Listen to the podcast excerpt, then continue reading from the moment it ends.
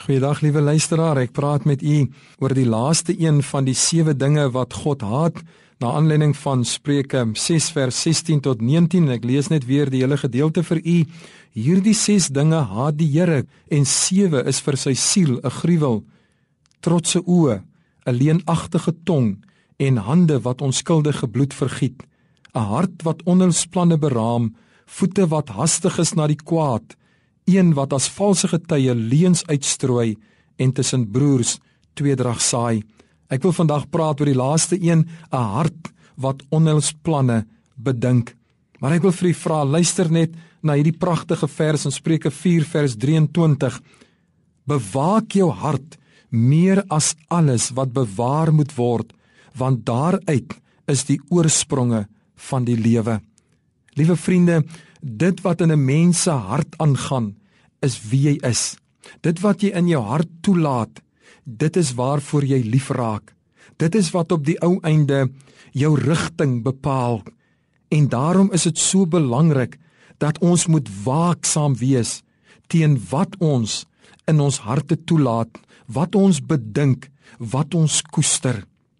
Dink aan Dawid, toe Dawid gesondig het met Batsheba en die profeet na hom toe gekom het. U ken daardie woorde in Psalm 51 toe hy uitgeroep het: Here, skep in my 'n rein hart, o God.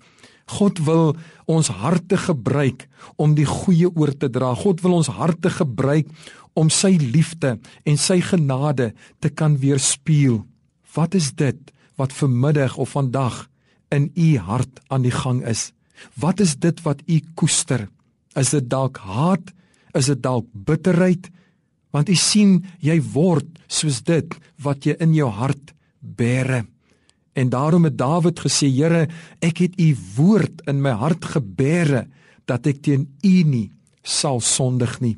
Ons het nodig om ons harte te deursoek en om seker te maak dat ons nie gif in ons harte toelaat wat ons hele lewe besoedel, wat ons denke besoedel, wat ons optrede besoedel nie kan ons hier ook maar vandag saam met Dawid bid. Here skep in my 'n rein hart ook.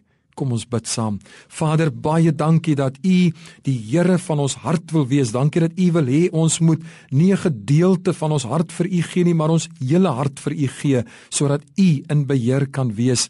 Help ons dan, help ons Here dat ons sal besin oor wat bedink ons, wat koester ons in ons harte, want Here, ons harte is waar die Here sien. As Samuel daardie man wil salf as die koning, dan sê u ek sien nie aan wat van voorste is nie, maar ek sien sy hart aan. Here help ons dan dat ons rein harte kan bekom in Jesus se naam. Amen.